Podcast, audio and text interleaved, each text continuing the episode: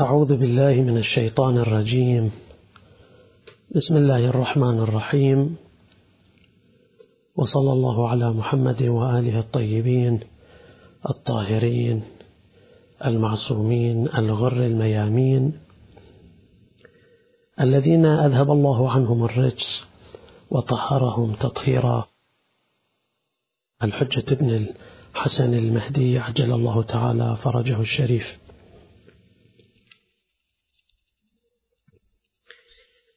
في دعاء مبارك عن الإمام صادق عليه السلام.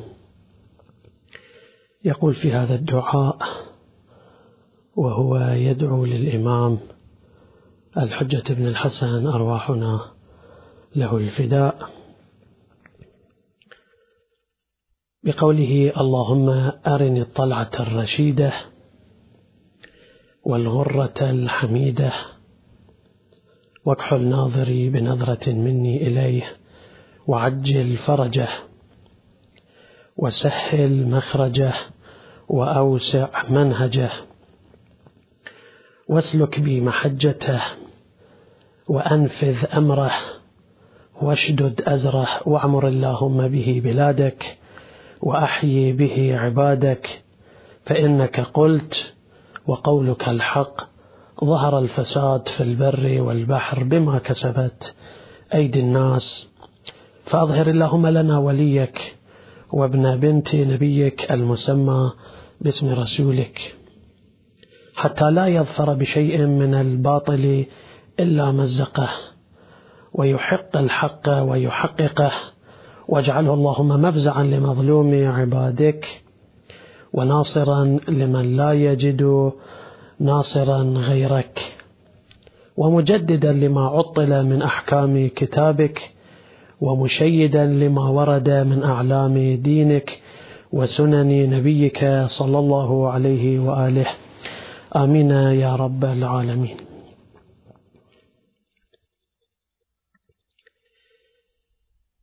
في رواية من الروايات تقول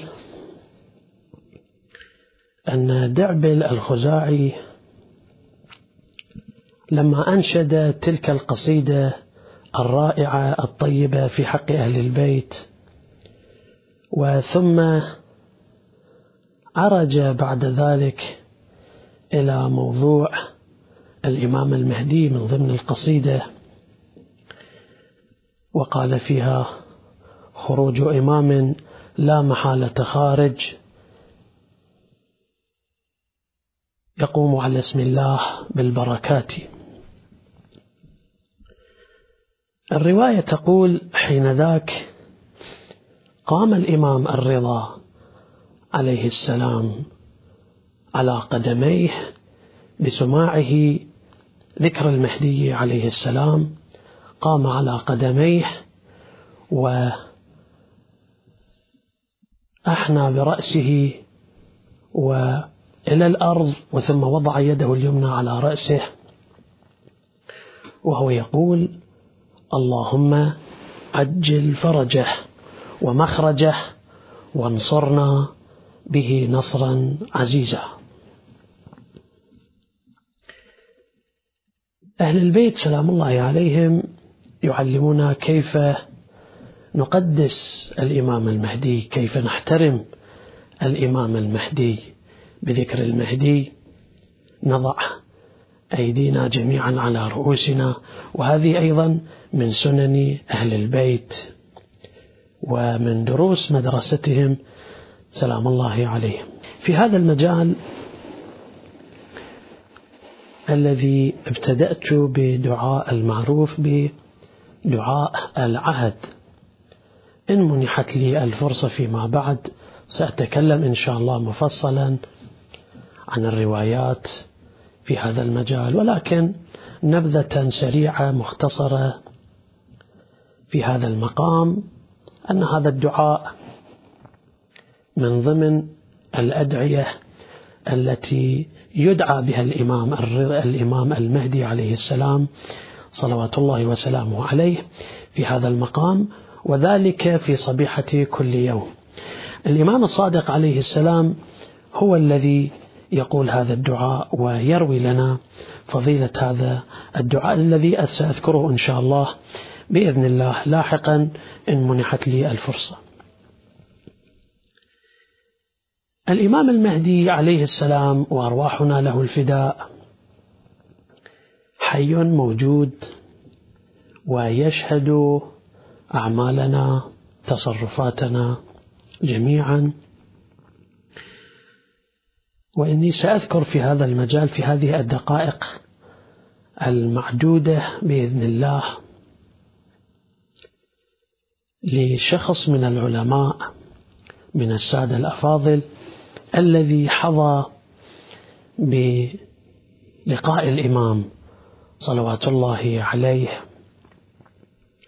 وذلك مفتوح المجال لجميع الخلق ولكن ترجع الكلمة إلى هذه المقولة المعروفة إلا أنه بشرطها وشروطها والتقوى والخوف من الله والإيمان بولاية أهل البيت من شروطها. أذكر في هذا المجال أحد العلماء باسم السيد محمد العاملي أحد الأخيار الأتقياء من الورعين في هذا المجال.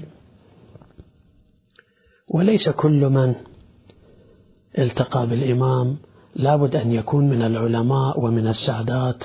لا بل هذه نحن نأتي بها ونذكرها على سبيل الشاهد فقط وإلا هي القصص التي مذكورة بسند ومدعومة من جهة السند من طرف أناس موثوق بهم إن شاء الله كثيرا. السيد محمد العاملي رضوان الله تعالى عليه أحد السادة الموثقين والموثوق بهم من قرى ضواحي جبل عامل.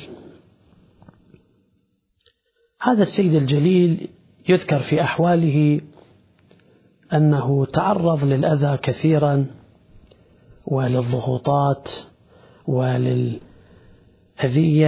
والإزعاج والتجاوزات. وكان رجل فقير جدا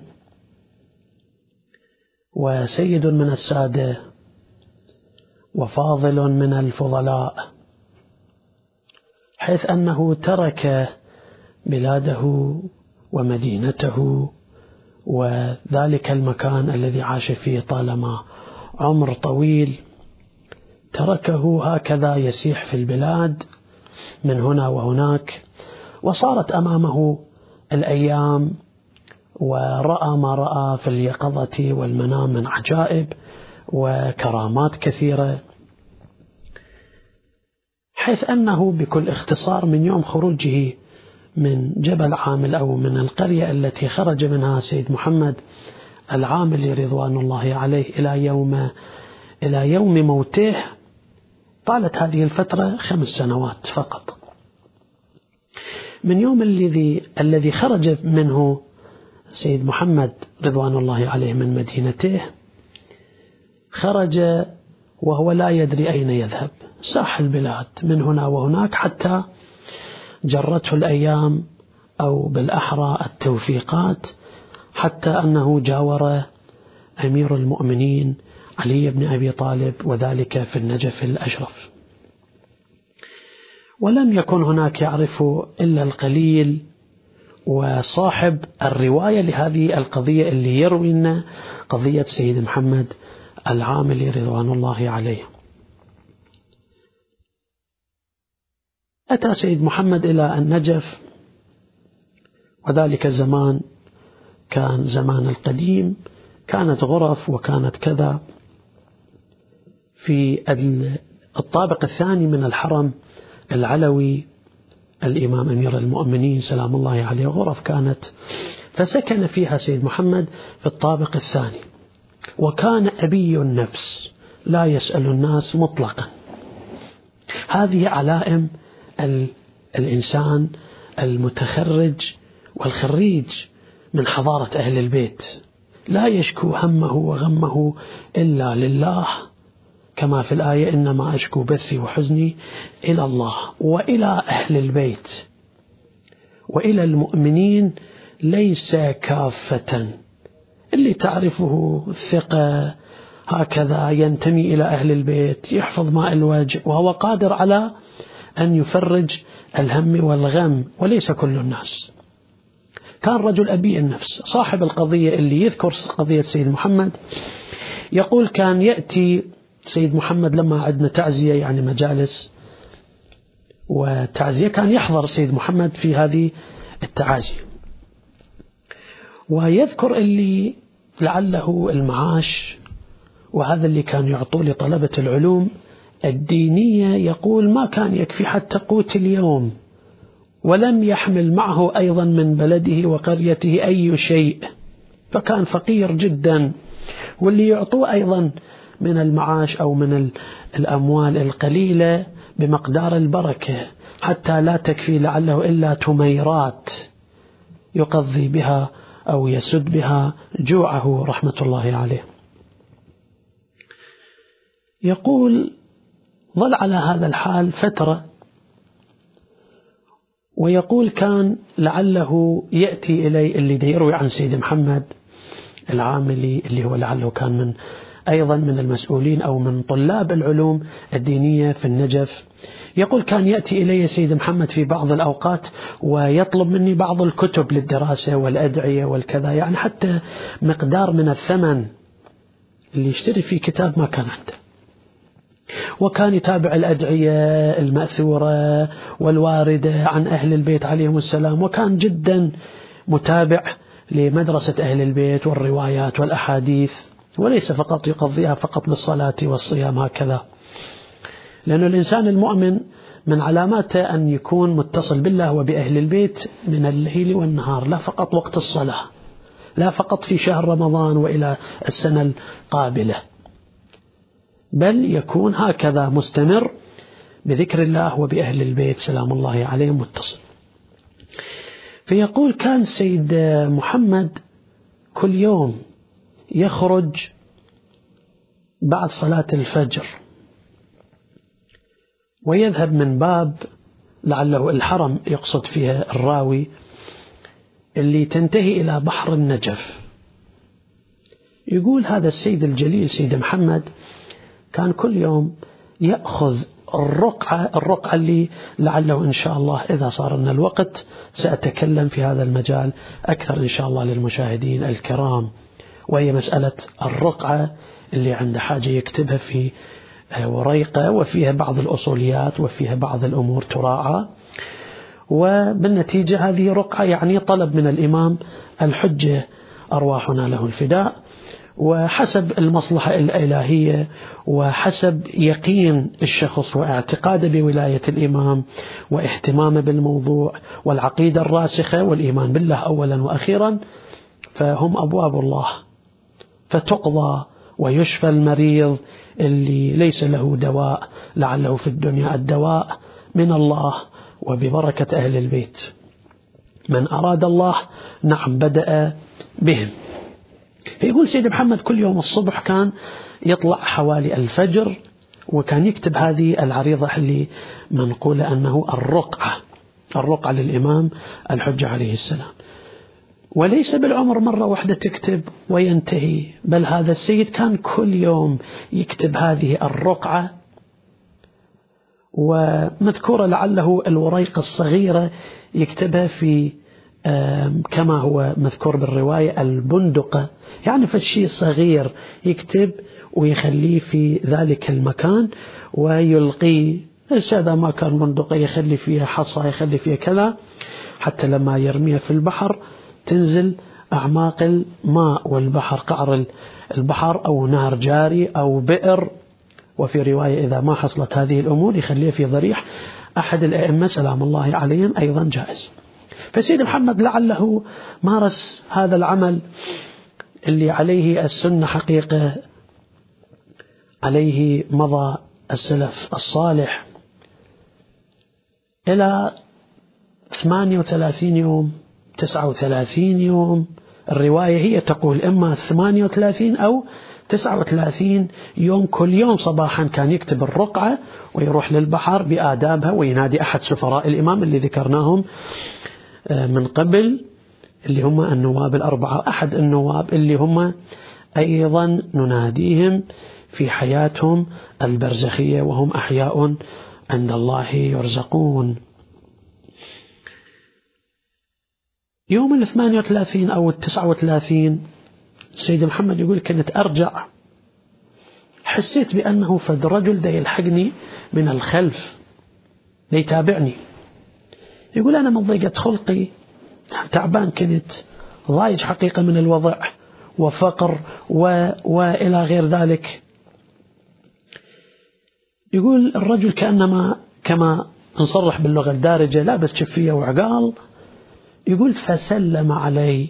يقول أنا رديت عليه السلام بس ما مهتم لأنه تعبان وما كنت حقيقة من الوضع.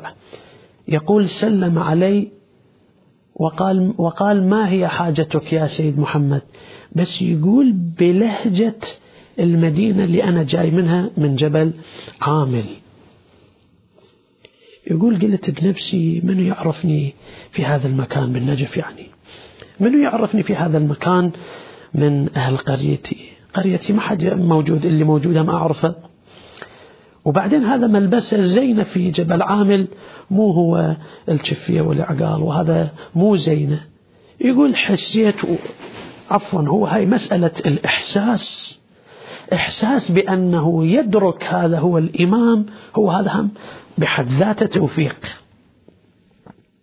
كثير من الأفاضل كثير من المؤمنين وصلوا إلى خدمة الإمام ولم يعرفوه لأنه ما اقتضت الحكمة. أو ما عندهم مستوى عال من الشرف والإيمان والتقوى والزهد أو التوفيق ما كان عندهم فالتقوا بالإمام وما عرفوه. يقول هذا أنا حسيت أن هذا الرجل اللي لابس شفية وعقال ويناشدني يسألني سيد محمد شنو هي حاجتك؟ بهذه اللهجة ولهجة القرية اللي أنا جاي منها من جبل عامل.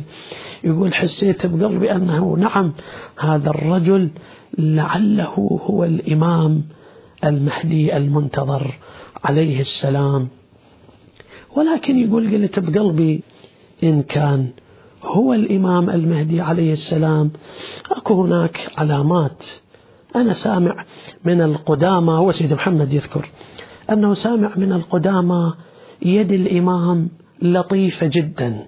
ماكو ألطف منها على وجه الأرض بتاتا. فقلت خل أصافحه. يقول فالتفتت إلى هذا الرجل النوراني إلى هذا الرجل اللي يحمل الهيبة الطيبة الطاهرة. هذا في يوم ال 38 أو ال 39 على روايتهم. اللي كل يوم كان يخلي الرقعة حاجته كل يوم كان يكتبها. مو مرة واحدة 39 يوم كل يوم الصبح يخلي الرقعة وها آداب وإن شاء الله سنذكرها بالرجعة يقول اللي صارت هذه المسألة وهذا الموقف الرائع. اللي لو يحدث لأحدنا مرة بالعمر وفيه حسن العاقبة وفيه قضاء الحوائج هي حقيقة أو هو بالأحرى. أيضا توفيق وسعادة من الله. وابتغوا إليه الوسيلة. ما معنى هذه الآية؟ الوسيلة يعني فد واسطة بيننا وبين رب العالمين. كيف تكون الواسطة؟ الصلاة هي امتثال لأمر الله. الصيام امتثال لأمر الله. إذا شنو هو الواسطة اللي لابد أن نبتغيه ونواصل هذه الواسطة. وكل ما الواسطة تكون كبيرة كل ما الواسطة تكون وجيهة. عادة لما عندك مشكلة تراجع لمن هو قادر على حلها. دور لك رجل وجيه رجل غني رجل يعرف معاريف رجل وزير نائب اللي حسب الاختصاص. هكذا إذا كانت الأمور دنيوية إذا كانت أخروية. السائل أنا وأنت والمسؤول فاطر السماوات والأرض من هم الوسطاء اللي نريد نقدمهم؟ لابد أن يكونون أفضل من وطأ الثرى أقرب الخلق إلى الله. لابد أن يكونون منزهون. منزهين لابد يكونون. لا معصية صدرت منهم في الماضي ولا في الحاضر ولا في المستقبل تصدر منهم. هذول اللي أذهب الله عنهم الرجس وطهرهم تطهيرا في بيوت أذن الله أن ترفع. من تلك البيوت لازم نجيب الوسطاء.